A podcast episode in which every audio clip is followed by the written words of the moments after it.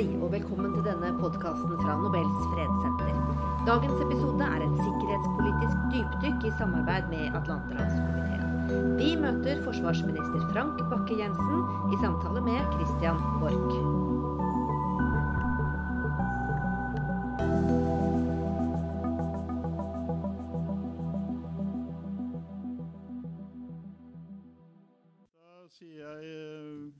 Frank Bakke-Jensen, velkommen til Av en eller annen grunn ordet 'skafott' kommer opp i hodet meg hele tiden. Jeg mente ikke å si det. Ja, jeg skjønner ikke hvorfor. Jeg mente å si 'velkommen til vår krakk, vårt bord og vår skjene'. Jaha. Velkommen Det til var bedre. Nei, det var bare ja. dukket opp. Takk. Tusen takk. Ja, Det var hyggelig at du kunne komme. Ja. Ja. Eh, Du har altså da, som Kate nettopp nevnte, vært i USA nylig og snakket med den amerikanske forsvarsministeren, og du forsikret ham om at uh, Norge står på og investerer. Det er Nato i nord. At vi eh, tar vår oppgave alvorlig, at vi sørger for overvåkning og det slike, og holder beredskapen oppe når det gjelder dette. Men så har vi altså fått en årsrapport fra forsvarssjefen som forteller at dette er jo kanskje ikke helt fullt så bra som det burde vært. Da har ikke du fått den, års, den årsrapporten som jeg og forsvarssjefen eh, Hva har sier han lest. der i din? Min sier at det meste går veldig bra. Vi eh, følger den planen vi har lagt. Vi eh, bygger et moderne forsvar for, eh, for fremtida. Og så har vi identifisert, og det er det viktige, vi har identifisert noen områder der det ikke går helt etter planen. Da er jeg ganske rolig, for da kan vi gå til inngrep med de områdene. Det hadde vært verre hvis, vi, eh, hvis han hadde sagt at vi har noen sånne gråsoner der vi ikke helt vet hva skjer.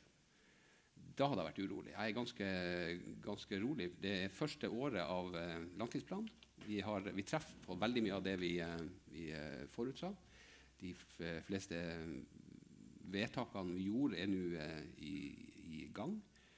Og vi øker forsvarskrafta betydelig allerede etter ett år med langtidsplanen. Men hvor er det det må gjøres noe? Altså, vi har hørt om helikoptre som skulle Ja, vært på plass på fregatter som ikke har vært der på ti år. Ja, vi har, eh, vi har helikopter. Der er det noen uh, utfordringer. Vi har også noen utfordringer i forhold til uh, de effektiviseringsgrepene uh, vi skal ta. Sånn at vi klarte ikke å ta inn alt. Så økonomisk har vi noen sånne eh, utfordringer. I tillegg så, så eh, la vi frem langtidsplanen, men vi gjorde en ekstra studie på landmakta, hær og heimevern. Eh, det, jo, det har vært behandla i, i Stortinget, og så fikk vi tre-fire ekstra oppgaver der som vi skal levere på i revidert. Altså, de tingene svever litt, men i stort så har vi altså økt forsvarsbudsjettene fra 2013 med rundt 24 milliard. Vi har en langtidsplan som sier at vi skal øke forsvarsbudsjettene betydelig fremover. Vi omstiller Forsvaret sånn at vi både materiellmessig, men også organisasjonsmessig og personellmessig uh, blir rusta for, uh, for fremtida. Sånn eh, og den, den årsrapporten i stort ga beskjed om at vi er i rute. Men Er det kommentarene til årsrapporten som gir oss inntrykk av at det da kanskje ikke virker helt som det skal i praksis, dette systemet? Altså Orion-flyene er i ferd med å bli utfaset og er ikke fullt erstattet. Og det viser seg, forstår jeg, at det ikke er mannskaper til å holde den beredskapen oppe som er nødvendig. Eh, nei, altså, Eller er det også det er jo feil. Ja, det er det, ja. Akkurat. Ja. Orion-flyene eh, blir fullt ut erstatta. Vi, vi, vi kjøper inn en ny type fly som skal fortsette den operasjonen. Og det blir fly som er mye, mye mer moderne enn dem vi har, eh, vi har hatt. Eh, personellmessig så, så svinger altså Forsvaret er en stor organisasjon. 17 000-18 000 eh, individer. Eh, når det går godt i olja, og vi trenger mye supply-fartøy, mye spesialfartøy i, eh, i Nordsjøen og ute i verden, der, der vi er store, vel, så sliter vi av og til i Sjøforsvaret personellmessig for at mannskapene våre blir så ettertrakta. At de, Kjøpt opp av andre? ja, de går over til andre, andre sektorer. Det er sånn at, at det her svinger, det, det tar vi høyde for. Det, det strever vi med. Så er det sånn at i omstillingsperioder så er det av og til vanskelig å, å Så blir det utfordrende å beholde mannskap. Det tar vi på, på alvor. sånn at her gjelder det å skape en omstillingsprosess som gir folk så stor forutsigbarhet at de kan stå i, eh, i stillingen til endringer kommer, og eventuelt ta valgene sine i, i ettertid. Det gjelder bl.a. Eh, teamene rundt, eh, rundt Orion-flyene på Andøya. Men Kan du si noe om disse helikopterbaserte Nei, fregattbaserte helikoptrene, mener jeg? Altså dette som da heter Hva er det heter for noe? NH90. NH90, ja, nettopp. Som altså skulle, etter det jeg forstår, vært operative fra 2008, og Ja. som ikke er blitt det ennå. Ja. Som koster 175 000 kroner timen å holde i lufta, men som ikke kommer så lett i lufta fordi vedlikeholdsomkostningene har vist seg å være mye større enn antatt. Ja. Eh, er Der var, du mer, der var du mer korrekt med beskrivelsen din. problembeskrivelsen. Um, men så er det sånn at det her er altså Ja. sagt, sier de, uh, å være et fantastisk flott helikopter. Så jobber vi med å få økonomien bedre i den. Uh, også det er lagt en plan fra eh, 2012 om hvordan vi skal innfase, innfase dem, sånn at vi har hatt seks helikopter. Nå begynner vi å få den komplette versjonen. Kystvakta har, eh, har implementert, sånn at de vet hvordan de skal bruke dem. Nå, eh, I denne stund eh, trener vi på, med kystvakt og fregatt for å implementere dem på fregatt. Sånn at i forhold til den planen som ligger der nå, eh, så skal vi klare det på tid. Vi skal klare å innfase dem på tid. Og så jobbes det med å få bedre økonomi i det. Dette Det her handler, det handler rett og slett om å få vedlikeholdsrutiner og, og, og eh, et uh, serviceprogram rundt dem som gjør at vi kan gjøre det billigere. Men, men Kristian, skal jeg bare avslutte? Husk at vi, har, vi er veldig gode på det her. Sea Kingen er 40 år. I fjor satte vi altså ny verdensrekord i antall timer vi holdt redningshelikopteret vårt i lufta. Det betyr at vi har veldig dyktige miljø, sånn at jeg er helt sikker på at vi skal få også NH90-en opp og operativ både tidsmessig, men også til en pris etter hvert som gjør at det er regningssvarende. Mm. Men du sa altså i sted at jeg, var, at jeg hadde en korrekt fremstilling når jeg sa Ja, at de altså, skulle vært i lufta for ti år siden. Nå Ja, er det ja, ja, ikke. ja, ja. Nei, altså, og, det, og det som jeg sier at eh, Vi bestilte dem i 2001. Dem, dem, eh, vi har ikke alle maskinene.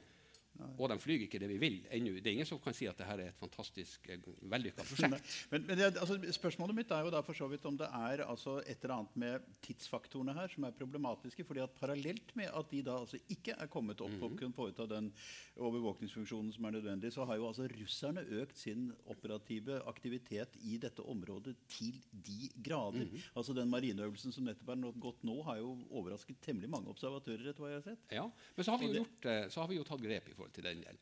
Eh, I 2013 så, så, Vi har fem fregatter. I 2013 så hadde vi eh, en som var i utenlandstjeneste, to som lå ved kai, og to som var reservedeler. Nå seiler vi fire av fem. Eh, Pga. situasjonen har vi flytta nordover. Nå seiler vi 50% av tida med fregattene i nord. Rett og slett for å være til stede. For vi skal skape situasjonsforståelsen der oppe. Det er viktig for oss. Vi flyr Orion-flyene, selv om de er gamle. så er det altså det fantastisk ned? Nei, det gjør vi ikke. Men vi flyr. Det er et fantastisk eh, team rundt dem som, som gjør en veldig bra jobb på det oppdraget her. Sånn at vi, har, vi sørger for situasjonsforståelsen i nord med det verktøyet vi har. Vi har bestilt nye ubåter nå, men samtidig så seiler vi med våre ubåter, dem vi har, mer, eh, mer i nord. Vi er rett og slett mer til stede, og så skal vi løse utfordringen med helikopter, med samkjøringer med fregatt. Men det her er komplekse systemer, sånn, sånn at vi, eh, vi har eh, brukt lengre tid med å tenke på. Vi kommer tilbake til dette med Nato-samarbeidet etterpå, men kan du si hvilken rolle det vil spille at du får allierte øvelser og en høyere frekvens av allierte øvelser som en del av både avskrekningsfaktoren og det å måle temperaturen i området? Ja, altså um, Overordna så tar Nato oppdraget sitt tilbake til det transatlantiske den transatlantiske misjonen. Begrunnelsen for å opprette Nato, altså forsvarsalliansen. Vi er til, til stede i Europa, vi er til stede i Nord-Atlanteren. Nato endrer seg med ny kommandostruktur for å kunne gjøre det oppdraget bedre. Eh, så har jo Norge noen særegenheter. Det ene er det at vi eh, geografisk er, vi altså plassert i det strategiske området til en stormakt og en atomvåpenmakt som heter Russland. Det gjorde at vi valgte å bli medlem i en forsvarsallianse som heter Nato. Samtidig så sa vi at når vi ligger så nært Russland, så skal vi gjøre noen selvpålagte restriksjoner for å vise oss som en hyggelig nabo. Sånn at vi sa den gangen at vi ikke skal ha fremmede baser på norsk jord. Det har vi ikke, men for å kompensere for det, for å være et pålitelig medlem, et troverdig medlem i Nato, så sa vi at vi skal drive alliert trening i Norge. Og når aktiviteten når Nato kommer tilbake til Europa, når aktiviteten øker, ja, så får vi også mer alliert trening i Norge. Det er mange som har lyst til å komme hit, trene på eh, eh, vinteroperasjoner. Lære å bli kald på nevene, lære å grynne i sne, lære å flytte seg i sne, lære å, å, eh, å krige i sne. Det foregår. Det er sikkerhetssituasjonen som gjør at Nato har økt aktivitet i Europa, og det er sikkerhetssituasjonen som gjør at vi da på grunn av det også får økt alliert trening i Norge. Og Var dette et tema da du, du snakket med, med Mattis, altså Ja. med den amerikanske forsvarsministeren i Ja, og to grunner. For det første så er de veldig fornøyd med, med de, eh, de ordningene vi har nå.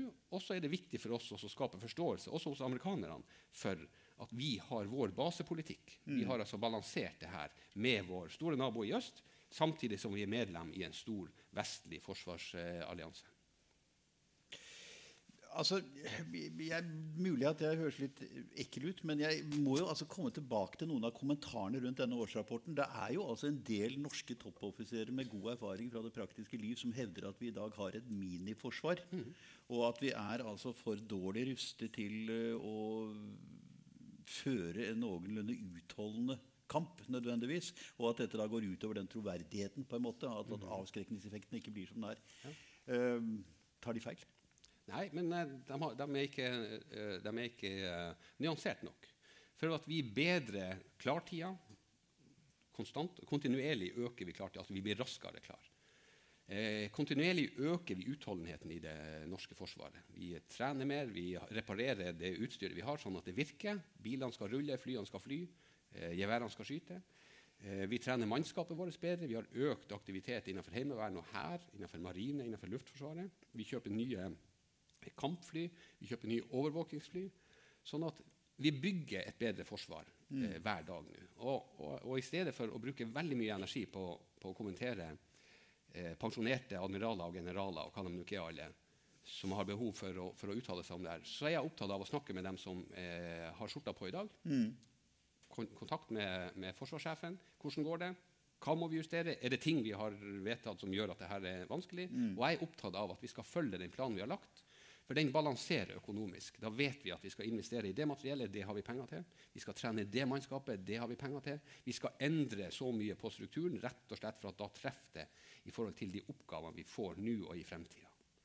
Det er en mer konstruktiv debatt enn en, eh, folk som for ikke veldig mange år siden satt i forsvarssjefens ledergruppe, var med på å fremlegge det fagmilitære rådet, og i dag bruker alle energi på å ta avstand fra det de bestemte den gangen. Nei, jeg, jeg ja, det, det, det er frisk tale, dette, vil jeg si det. Altså det absolutt. Jeg, det er kanskje et ledende spørsmål, men altså er the bottom line i det du sier, egentlig at effektiviteten, bruken av moderne teknologi osv. kompenserer for kvantitet? Ja, det Når det gjelder altså antall menn med støvler på beina ja. og gevær på ryggen, for å si det sånn? Det, er litt sånn, det, det, er litt, det er litt stygt sagt mot min egen generasjon. Men husk at jeg er 53 år. Vi var, vi var, stort sett alle var inne til førstegangstjeneste. Mm. Alle guttene. De som ikke var inne til førstegangstjeneste, de tok siviltjeneste. Eh, så har vi i 20 år nå tatt inn altså Da tok vi innkalte vi 30 33 000 hvert mm. år til førstegangstjeneste. I rundt 20 år nå har vi innkalt 8000-9000. Det gjør at det er veldig mange i, da, av dagens 20-åringer eh, som ikke har noe veldig, så særlig forhold til Forsvaret, mm. for det er så få som har vært inne. Men vi 50-åringene er jo ganske bestemt vi har jo vår faste, bestemte oppfatning av hvordan det her skal være. Og det er jo helst sånn som det var da vi var der. Mm. Og det er litt beklagelig, men, men, sånn er altså ikke Forsvaret lenger. For det første så er de som er inne nå, mye mye flinkere enn det vi var. For det andre så har ting utvikla seg på en, på en, helt annen måte. Da, vi var inne, da jeg var inne, så hadde vi 33 000 inne til førstehåndstjeneste.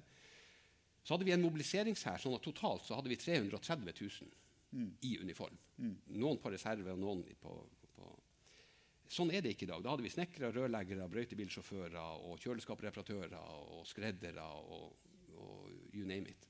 Det aller meste av det vi da hadde i en mobiliseringshær, det kjøper vi i dag fra sivile bedrifter. At, rett og slett for at det er mye mer effektivt og mye mer, mer riktig. Sånn at Den store mobiliseringsstyrken vi har i dag, den har vi egentlig i sivil sektor. Det har vi ordna gjennom avtaler. kjøper det sivilt. Så trener vi dem vi har i uniform, og dem vi har rundt den spisse enden, på en helt annen måte. Det er mye, mye, mye dyktigere folk i dag. Det er det, det, det forsvaret vi, vi, å, vi, har bygd opp over mange, mange år, og begynner å bygge også, også for, å, for, å, delta nasjonalt i Norge i dag. Hvordan ser den prosessen ut fremover? Altså Hvis du beskriver for oss hvordan akkurat den typen tenkningen vil påvirke ja. utdannelsen og motiveringen og ja. ja vi, endrer, vi endrer det som heter militær ordning. Der vi før hadde der du, gikk, du var menig, og så gikk du befalsskole, så ble du befal, og så tok du kanskje krigsskole. Etter hvert ble du offiser. Men du hadde én altså en utdannelse. Du kom opp, alle kunne omtrent det samme. Det gamle munnhellet om at generalen må kunne det grenaderen kan. Det var liksom et, et, et prydord i, i, Forsvaret før. Nå endrer vi. Vi har et spesialistkorps. Det vil Si at kompliserte operasjoner det er det altså folk som, som, som, er spesialister, som gjør. Det er et, et, et sersjantkorps innenfor samband, innenfor våpengrener, you name it.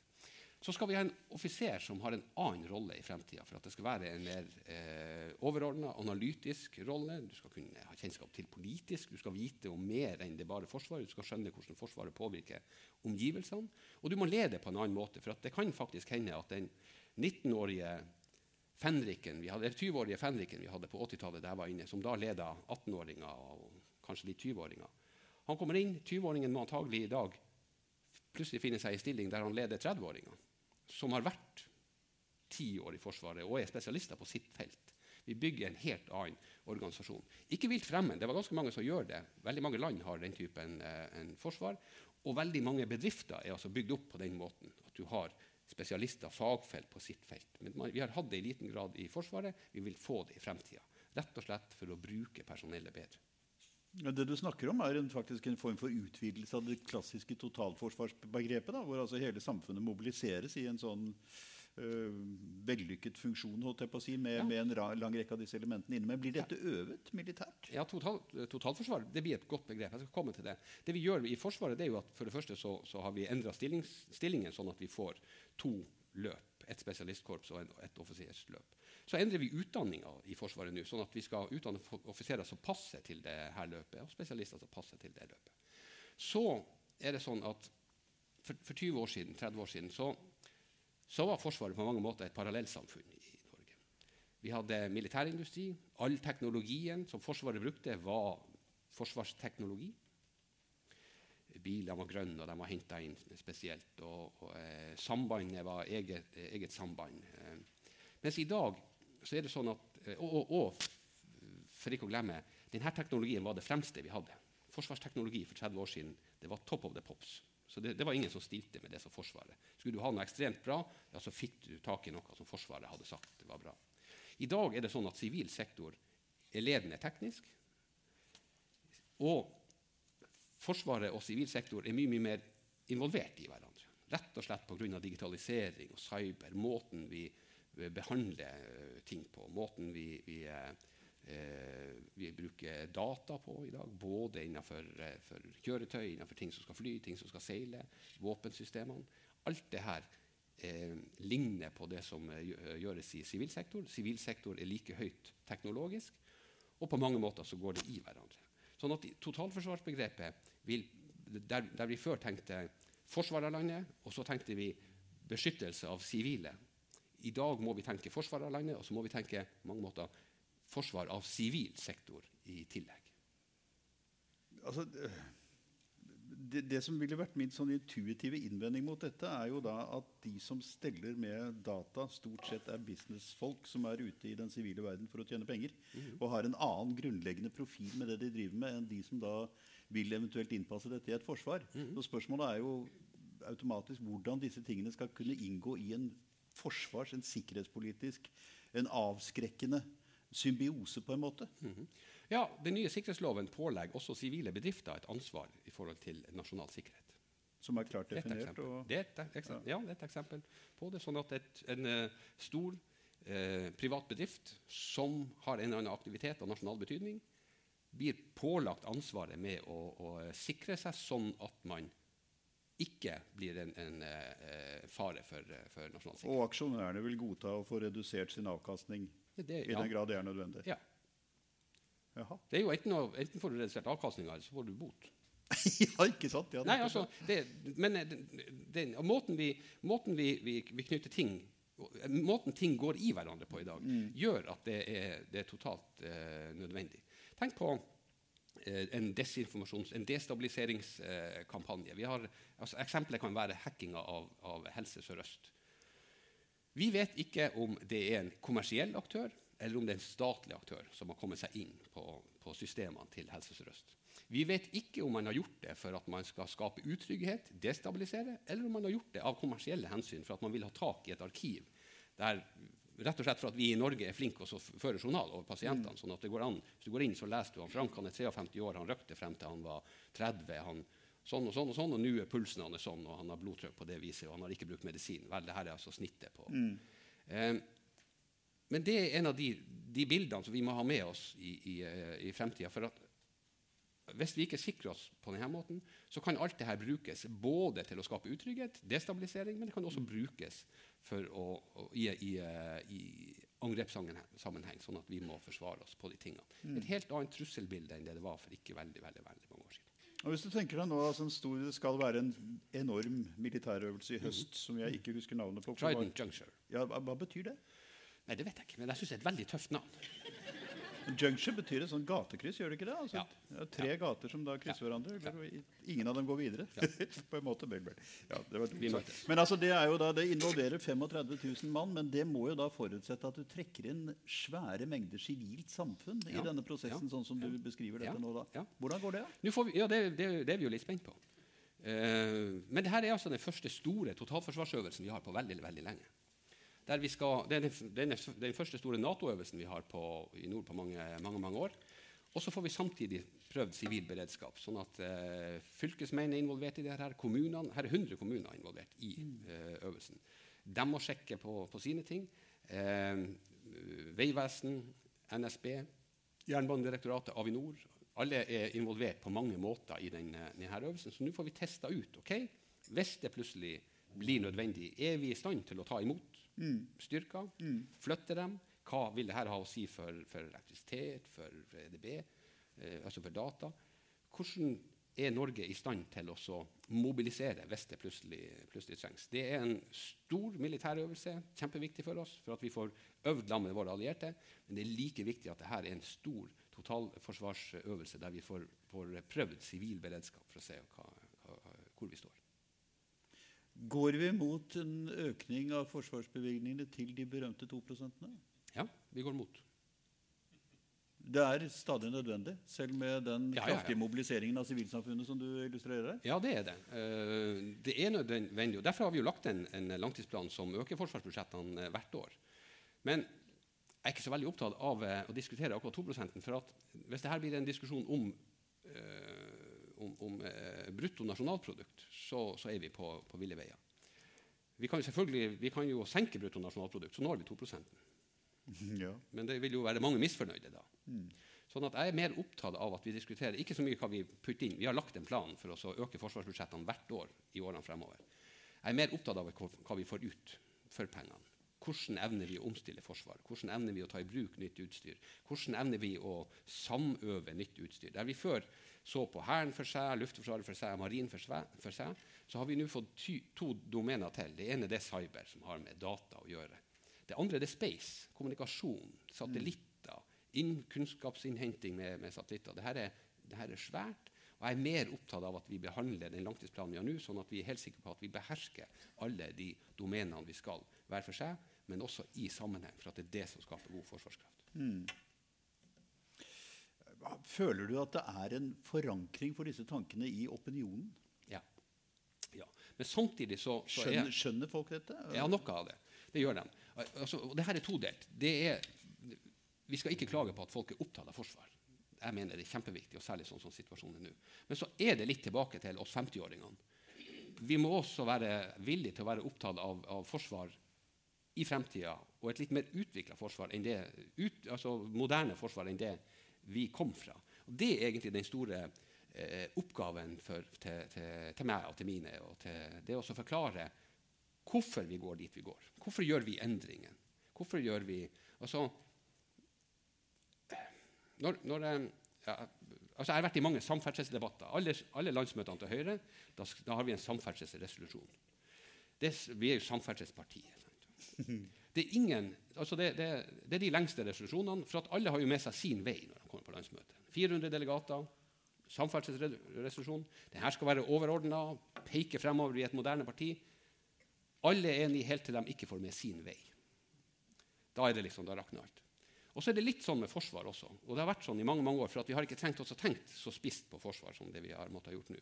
Sånn at alle har med seg sitt heimevernsområde eller sin tropp eller den som forsvaret som er nærmest. Nå har vi måttet tenkt totalforsvar. Hvordan skal vi bygge forsvarskraft? Og da har vi i stedet for å lagt vekt på eh, det distriktspolitiske delen i det her, eh, eller regionalpolitiske delen, så har vi lagt vekt på hvordan bygger vi nasjonal forsvarskraft. Hvordan samhandler marin med Luftforsvaret for å øke forsvarskrafta? Hvordan innhenter vi informasjon sånn at, vi, at det er Norge som beskriver hvordan situasjonen er i, i nordområdene og i Barentshavet? Rett og slett for at geopolitisk så er det mer stabiliserende, mer vennlig overfor den store naboen i øst at det er et norsk fly, et norsk båt, en norsk ubåt, et norsk etterretningsskip for den saks skyld, som seiler seg nord og samler denne kunnskapen, i stedet for at vi hadde vært helt borte, og så i en pressa situasjon så hadde Nato måttet røkke inn med amerikanere, franskmenn, engelskmenn og alt det for å gjøre de tingene. Sånn at forsvarsdebatten bør, dreie seg, bør være overordna, og så bør han dreie seg om hva gjør vi nasjonalt, og hvordan forvalter vi den andre pilaren, som er at vi er en troverdig partner i Nato. En aktør som tilfører Nato merverdi. Det fører meg jo da direkte over til det spørsmålet jeg hadde tenkt å komme ned, nemlig hvor stor grad er denne tenkningen koordinert på alliansehold? Er det bred politisk, tverrpolitisk enighet blant Natos 27 medlemmer, er det ikke det? Ja. Og om, om, disse tankene du gjør deg med hensyn til samspillet mellom de forskjellige sivile og militære enhetene, sterkere vektlegging på å trekke inn ekspertisen fra det sivile samfunn i forsvarspolitikken osv. Ja. Og er de planene som legges, er de koordinert internasjonalt? Ja, altså det, det, der er, det er veldig det var, godt spørsmål. Det var ikke noe særlig presist spørsmål. Men du jo, det var, det var, et veldig godt spørsmål, for at jeg kan svare bredt når du spør. så ja, det var, det, var, det var, nettopp det. Ja. det men, men her, her, her, foregår mye. Når det gjelder, når gjelder altså vår rolle i nord, ja, så har vi fått gjennomslag for den. Vi har streva lenge, men vi har fått gjennomslag i Nato om at vi må, nu, vi må ha en ny kommandostruktur, sånn at vi har klare kommandolinjer i nord, mm. for å ta oppdraget tilbake til, til eh, Nord-Atlanteren. Sikre kommando, eh, forsyningslinjen og kommunikasjonslinjer over Atlanteren. Mm. Det er vår eh, del. Det har vi fått gjennomslag for, forståelse for. Så er det en stor diskusjon om, om eh, den andre delen, altså som jeg sier det, det eh, Miksen mellom sivil og, og, militært, miksen mellom det som er politi og det som er forsvar, eh, den foregår i Nato, men den foregår også nå mellom EU og Nato. Mm. En stor del, altså EU løfter de sier vi må ha et eget forsvarsprosjekt for at Europa må forsvare seg sjøl. Unionen må kunne forsvare seg sjøl. Og nå foregår det en diskusjon om okay, hva skal EU sin rolle være da? Hva skal NATO sin rolle være? Og Det er en veldig god eh, debatt. Mm. Helt konkret så, er blant annet, så diskuterer man nå i, i, EU hvordan skal man ha et lovverk og avtaleverk innenfor unionen som ivaretar eh, militær mobilitet. Hvis noen trenger hjelp, hvordan skal vi flytte styrker fra et land gjennom et annet land inn til et tredje land som, som har behov for det? Den typen eh, politiske diskusjoner, politiske prosjekt, det løfter den sivile delen på, mm. på det. Hvordan skal man ivareta informasjonsflyt eh, i et eh, sånt system? Hvordan skal man ivareta i en, en, krise, kanskje en hybrid krise, hvordan skal man ivareta den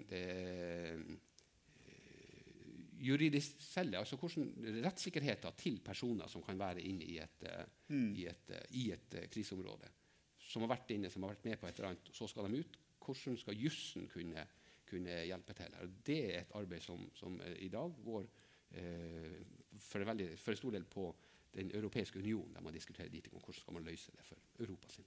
Ja, men altså Europa holder jo da for så vidt i den planen om å bygge opp et europeisk forsvarssamarbeid, mm. så holder jo kortene relativt tette inntil kroppen i forhold til de som er utenfor. Hvordan kommer Norge inn i dette bildet? Altså, du har ja. lang erfaring som europaminister. Ja. Mm. Uh, og vi står jo altså da i en underlig situasjon. for å si det sånn. Vi er jo liksom ikke inne i det store fellesskapet i den forstand. Er det et drawback? ser du? Ja, det, det, mener jo, jeg mener jo at det er en drawback at ikke vi er medlem av EU. Men. Uh, det her er, det her er uh, firedelt. Det man gjorde i EU, det var at man gjorde en forstudie på, på det med den industrielle delen. For dette handler også om industripolitikk.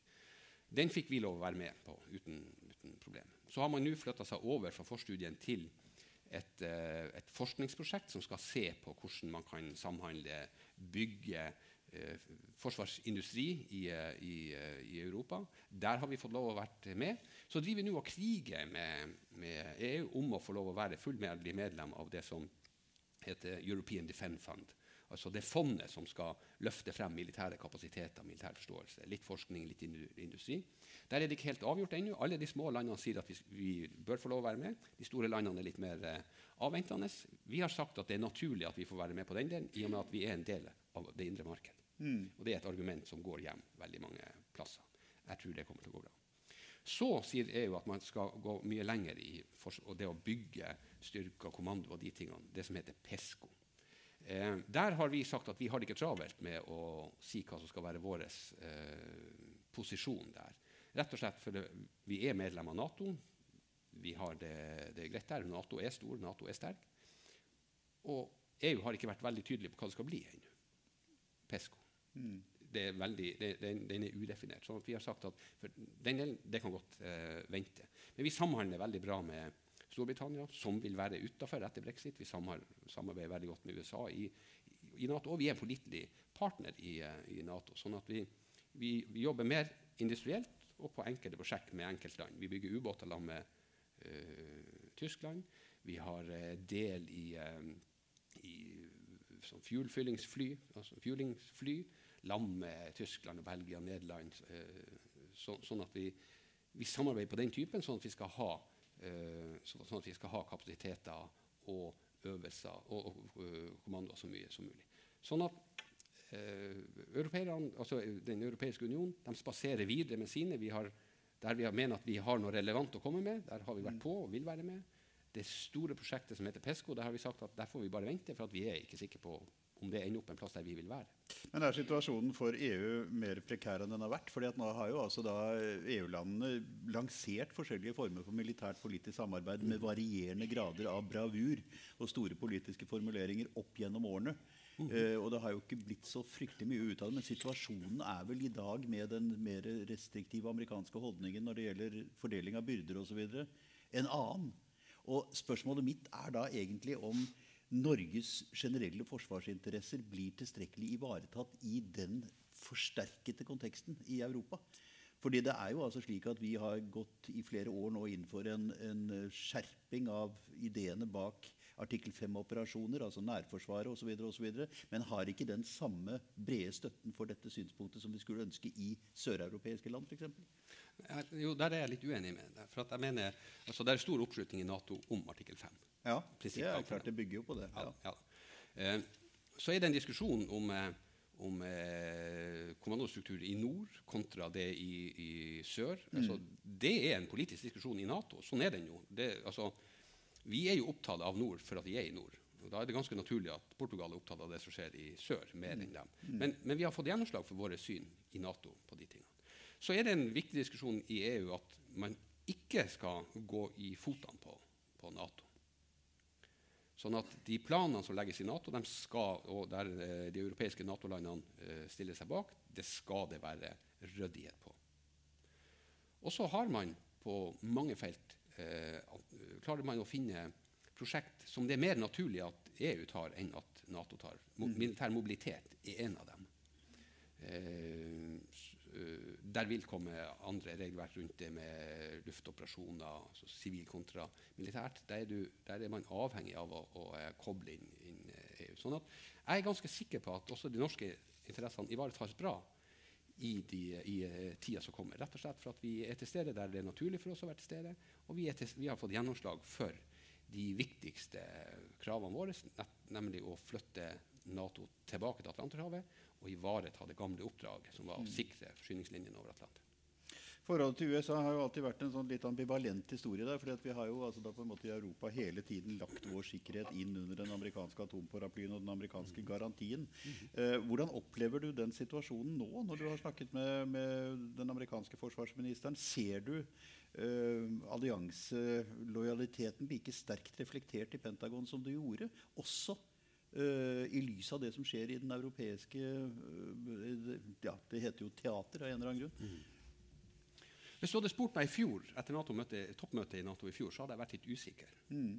Rett og slett for at uh, retorikken fra den amerikanske presidenten var litt, var litt hardere da. I dag er jeg ikke det. Jeg er helt sikker på at oppslutninga fra amerikanerne om Nato-alliansen er sterk grunnen til at jeg kan si det, det er ikke bare det at jeg har møtt uh, Mattis og snakket, jeg har møtt andre politikere og snakka med dem, men også antallet amerikanske politikere som har funnet det opportunt å reise til, til Europa og mm. forsikre at vi står bak alliansen. Altså, I Norge har vi hatt rekord av uh, antallet uh, kongresskomiteer som har vært og besøkt Stortinget og, og uh, US Marines de andre. Det samme skjer ellers i Europa. Rett og slett for at man ser eh, Vesten i eh, sammenheng. Man ser Nato-alliansen-oppdraget som viktig nå igjen. Mm. Situasjonen er sånn. Og så får vi de forsikringene når vi er over i, i, USA, eller når de er på å besøke oss direkte her. Mm. At alliansen står, øh, står sterkt, oppdraget står sterkt. Og så er det også en bekreftelse av det når man nå endrer kommandostrukturen. USA tar en, en kommando på, på maritim, det maritime i, i, Atlanteren og sier det her, nå er vi tilbake til det gamle oppdraget. Vel, det er en bekreftelse på at man står på alliansen. Det er interessant å høre deg snakke. for at, eh, altså, tenke på de relativt pessimistiske, kritiske kommentarene som er kommet til vår forsvarsevne nå. Mm. Så spiller jo altså faktisk dette tilbake med å si at det er en del helt nye ting i samfunnsstrukturene som har gjort at dette forsvaret faktisk fungerer bra, men på en helt annen måte. da. Eller i hvert fall er i ferd med å utvikle seg til å gjøre det. Mm. Nei, altså, det, det er veldig mye bra. Og, og, at dette ikke bare er et norsk fenomen. Ja, ja. Ja. Eh, alle, alle, altså, alle, land må jo, eh, må jo eh, bygge opp nå. Alle må modernisere. Eh, jeg har vært og diskutert nordisk forsvarssamarbeid i Bergen i to dager med, med mine nordiske kollegaer. Eh, Sverige, Danmark, Finland. Alle må gjøre det, det samme nå. Spørsmålene er de samme. Vår, vår forståelse av sikkerhetssituasjonen er lik. Og vi lærer på mange måter av hverandre nå i, i, mm. i, den prosessen som har vært. Vi starta med forsvar. Svenskene starta med totalforsvar. Mm. Svenskene startet, så, stilte, så, stilte de, eh, så sa de at sikkerhetssituasjonen er annerledes nå enn det var for ikke veldig lenge siden. Har svenske familier så mye forsyninger at de kan klare seg i uka hvis strøm, kommunikasjon, de tingene forsvinner? Mm. Sendte ut en brosjyre til alle svenske hjem. Har dere så mye at dere kan klare dere i uka hvis det og det og det skjer? Medisin, vann, mm. mat. Så sendte de en et forespørsel til De har seks regioner i Sverige. Så sa de til regionene klarer dere å ivareta innbyggerne i tre måneder hvis en stor krise kommer. Beskriv hva en stor krise kan være, og beskriv hvordan dere skal løse de her tingene. Og så går de fra den delen, via den linken mellom sivilt og militært som jeg beskrev i sted, over til å bygge forsvar, for at de også må, må eh, løfte den delen. Men utfordringen er lik, beskrivelsene er på mange måter like. Og så velger vi, vi eh, løsninger, løsninger, fremover. Vi har et veldig bra forsvar allerede i dag. Mm. Og så gjør utviklinga det at vi er nødt til å modernisere det og bygge det bedre. Og det er vi på god vei med. Da, når du snakker om utviklingen, da snakker du da om den interne utviklingen? altså den... Uh, altså det, det i, i, alliansen holdt jeg på å si, som bygger på at du får en ny teknologi, en ny form for økonomisk tenkning osv.? Ja, og den teknologiske utviklinga er jo én ting. Ja. For, uh, for altså, eh, pre presise, langtrekkende missiler gjør jo at vi, der vi før tenkte at det er veldig greit Det er godt forsvaret ha spredd basene overalt. Da blir det vanskelig å ta oss. Hvis vi har mange baser og vi har spredd dem over det ganske land, så er det vanskelig å ta oss. I dag er det sånn at vi må bygge færre baser, og så må vi forsvare dem med luftvern, for at uh, missil er en reell fare. Mm.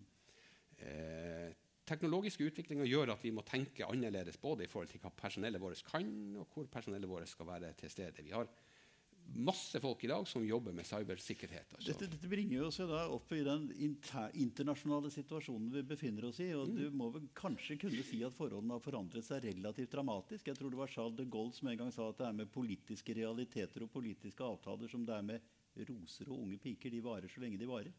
Og etter altså den russiske invasjonen i Georgia i 2008 så ser vi vel altså en helt ny, annerledes profil, ja. hvor inngåtte avtaler ikke lenger gjelder, og hvor folkeretten er satt til side, i hvert fall etter Krim-annekteringen i ja. 2014. Ja. Uh, du har selv brukt ordet 'increasingly aggressive' da du snakket med, Mattis om disse mm. tingene osv. Og, så videre, og, så mm. og tilpasser vi oss raskt nok til å kunne møte og by på tilstrekkelig avskrekning i vårt forsvar på den måten du sier at vi holder på å bygge opp nå? Ja, jeg mener det. Så, så vil jo sikkert eh, noen kunne arrestere meg på at det går ikke fort nok. det er ikke dårlig nok. Jo, jeg mener at, vi, eh, jeg mener at den planen vi har, vi har lagt, er altså Det er også avskrekking i å ha en, en, klar plan for å bygge forsvar. Mm. Det er også avskrekking i å være tydelig på at vi bygger et forsvar som gjør oss til et relevant medlem av en allianse. Vi bygger et forsvar som gjør at vi er i stand til å utføre det oppdraget vi har sagt vi skal utføre. mm. Vi er en lesbar nabo for, eh, for, Russland ved at vi er tydelig til stede med overvåkingsfly, med, med de militære kapasitetene våre, så at vi behersker det her. Sånn at jeg mener vi gjør det her i, i, i, rett tid. Så er det eh, helt andre eh, tider nå. Og det tar også tid å skape den forståelsen man trenger, både hos politikere men også hos uh, vanlige folk, i forhold til hvor vi, hvor vi, er. Sånn at jeg mener den jobben vi skal gjøre, den må vi gjøre både, både i forhold til å bygge forsvar, men også i forhold til å uh, skape forståelse for hva, hva, som skjer. Vi er et lite land. Mm. Vi er helt avhengig av folkeretten.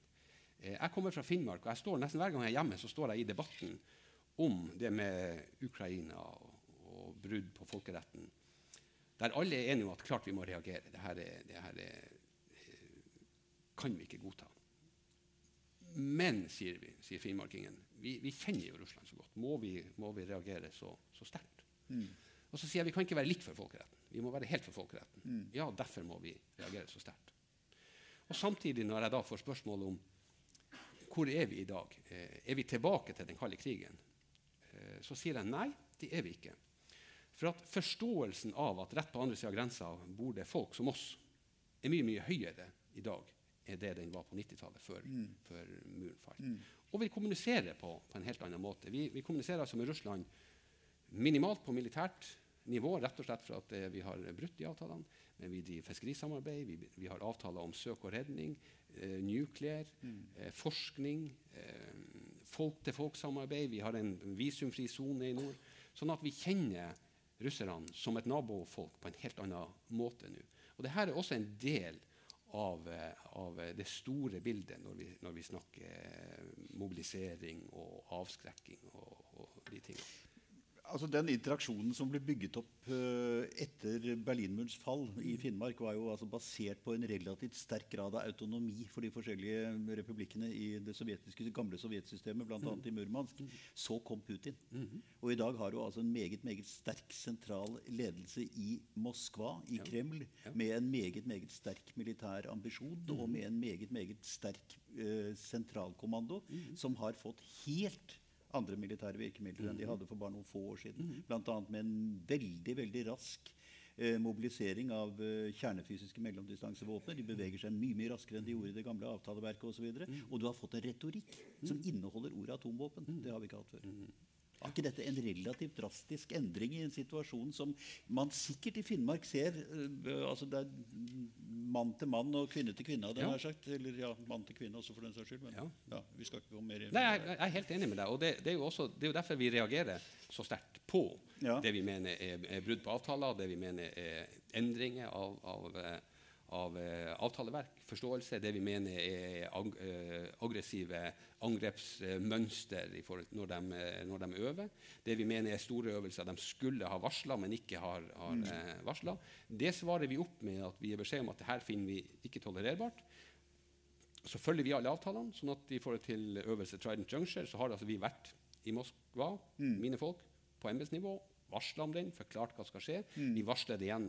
Vi igjen. Slik de gamle, gamle nedrustningsavtalene sånn forutsatte. Ja. ja. Mm. Og Samtidig så mener vi at da er det viktigere igjen å, å, eh, å beholde folk-til-folk-samarbeidet, kommunikasjon over, sånn at vi har det. Ja, Mange i kirkene sier jo at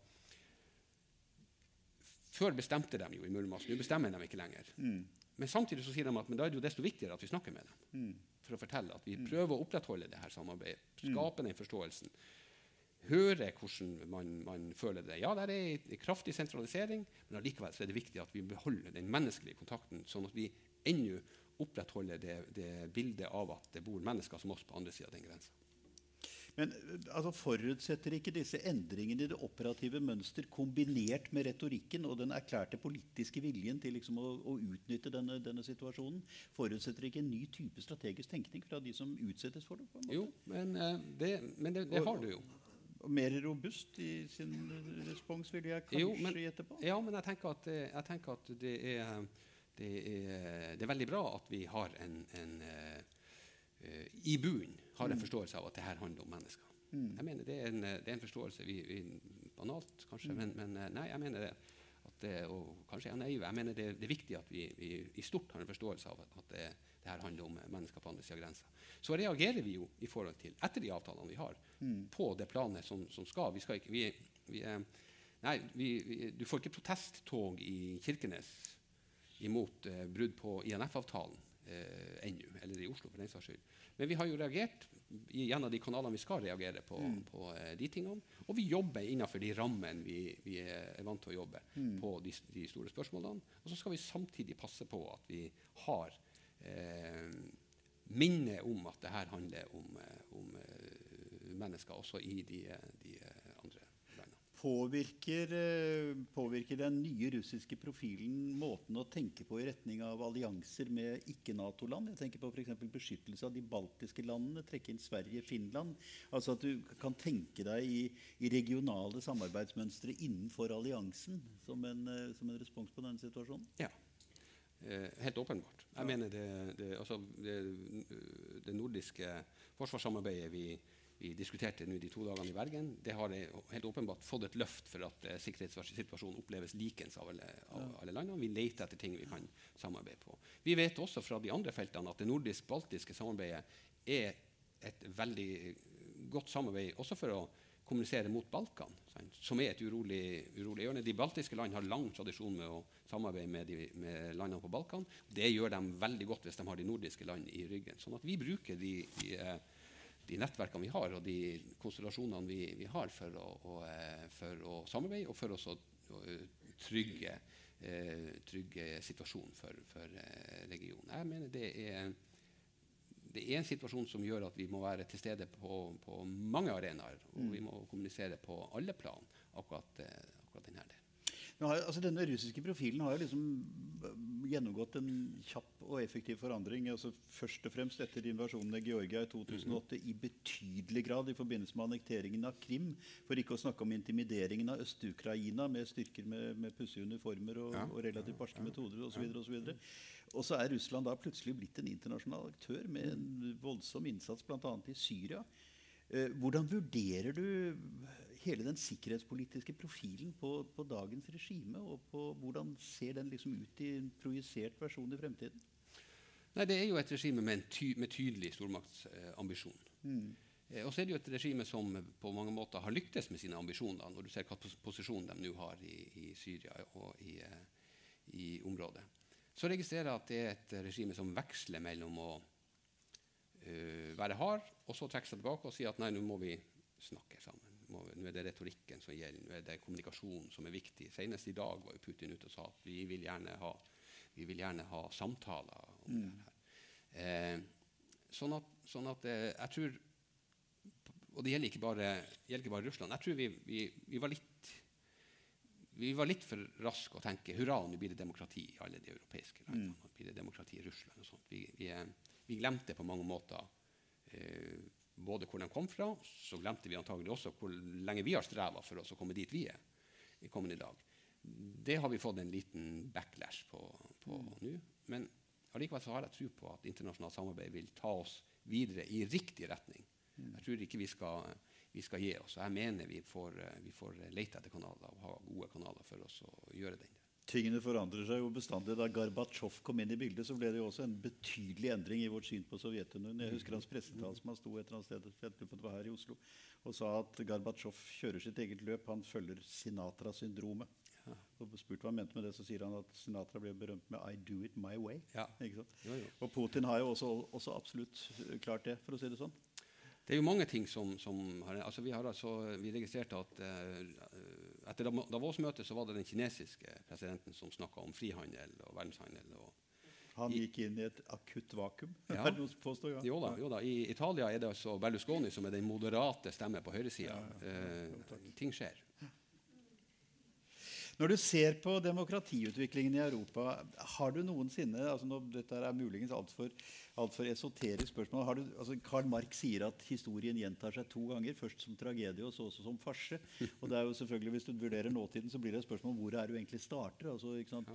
Hvilket nivå er du? Men har du noen ganger følelsen av at historien gjentar seg? altså Populistene har gjort det ganske sterkt i flere valg. Du har Viktor Orbans eh, teoretiske nedbygning av en demokratisk prosess i Ungarn. Du har det samme trekkene i Polen. Noe lignende ser vi utviklingstrekk på i Tsjekkia i øyeblikket. Eh, noe av det samme så vi da Weimar-republikken brøt sammen, og du fikk altså en politisk retorikk som i veldig stor grad tok de misnøyde stemmer frem mm. i, i, i, i, formen. Er du, er du, noen gang bekymret for en slik utvikling? At vi kan, at vi kan være i, et av disse utviklingstrinnene til Karl Marx? Eh, nei, men, men, men Eller, ja. ja altså jeg, er jo, jeg er veldig for demokrati. Og, og, og, da er det også sånn at da må vi i utgangspunktet tåle mange stemmer. Mm. Og her er jo, de, de, tar mye plass, de får mye plass. Men her er jo også veldig mange positive trekk i, i Europa. i unionen. Veldig, altså veldig mange liberale, moderate stemmer som, som, som kommer til. Så, så, er det nok sånn at vi, vi også i, i, EU kanskje var optimistiske i forhold til utviklinga. Du får en liten, en liten tilbakegang nå, men jeg tror også at også EU vil klare å løfte seg litt til i, i, i forhold til, til den delen. Vi, med EØS-midlene og med forhandlingene med Ungarn og Polen så gjorde vi veldig bra eh, ting. Vi, vi, vi, satt lenge ved forhandlingsbordet og så sa vi at nei. Eh, altså Sivil sektor det, handler, det, snak, det, snakker vi om en uavhengig sektor. Da snakker mm. vi ikke om noen som at vi gir dere 3 milliarder, så kan myndighetene få lov, og så sender dem ut til dem de liker. Her snakker vi om en uavhengig sivil sektor som er bygd opp.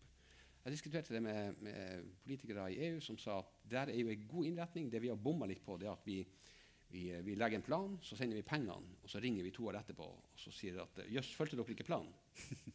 Nei, ok, kan dere sende pengene? Nei, dem er brukt.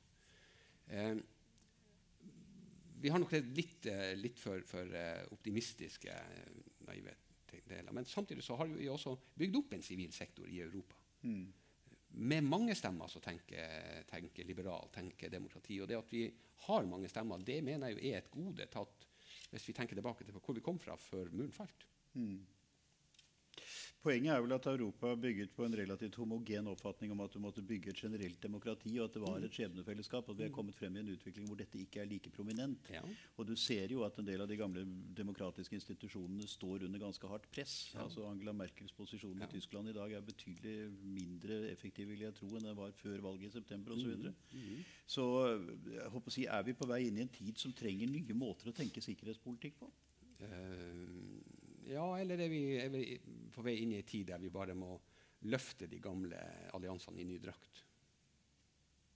Løfte dem inn i en ny drakt, ja. ja. ja men allikevel altså bygge på det samme grunnleggende prinsippet om en sterk militær kraft for å underbygge den politiske prosessen mot fred. og ja, jo, jo. muskel for diplomatiet. Ja, det, ja det, men, men, der er, vi ikke uenige. Og det mener jeg jo også det bygges nå. Det er jo derfor alle europeiske land øker forsvarsbudsjettene sine. Jo, derfor, altså selv om diskusjonen går om man når 2% eller ikke, men alle øker budsjettene sine. Mm. Alle bygger mer moderne forsvar. Alle øver mer i lag.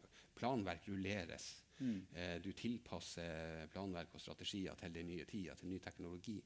Mm. Eh, man, man, eh, man, tenker totalforsvar på en annen, annen måte. Det, alt det her er jo for å sikre innbyggere, styresett, politiske systemer og, og, og, demokratiske prosesser. Blir man litt optimistisk av å ha vært EU-minister? Ja. Du blir i utgangspunktet veldig optimistisk hvis du får lov å bli statsråd. ja, det var nemlig det. ja, ja. Jo, men jeg vet det. Altså, tenk nå um, Oppslutninga om EU økte fundamentalt i de aller fleste medlemsland da brexit var et faktum. Mm. Da snudde altså europeerne og sa mm. at nei, ok, men vi er, jo, vi, vi er jo stolte av det vi holder på med. Mm. Og den er der ennå. Mm. Så har jo EU sine utfordringer, men allikevel så klarer de jo å bære ting fremover. Mm. Eh, eh, der. Sånn at, eh, og så mener jeg at eh, det må være bedre å brette opp armene og si at vi, eh, vi, vet hvor vi skal, og vi vinner dit, og så gjør noe for oss å komme dit, mm. enn å si at nei, det, vi kan ikke si at det gikk ikke. Mm. Vi har jo eh, vi har hatt en formidabel utvikling den lille tida jeg har levd. Og da tenker jeg med meg sjøl at vi får være optimistiske og så sørge for at vi er kan overlate til de neste å skape eh, formidabel fremgang for dem òg. Og Du er ikke redd for at det grunnleggende politiske konsensus som lå i bunnen av oppbyggingen av Europa etter krigen, blir borte? At det evaporerer?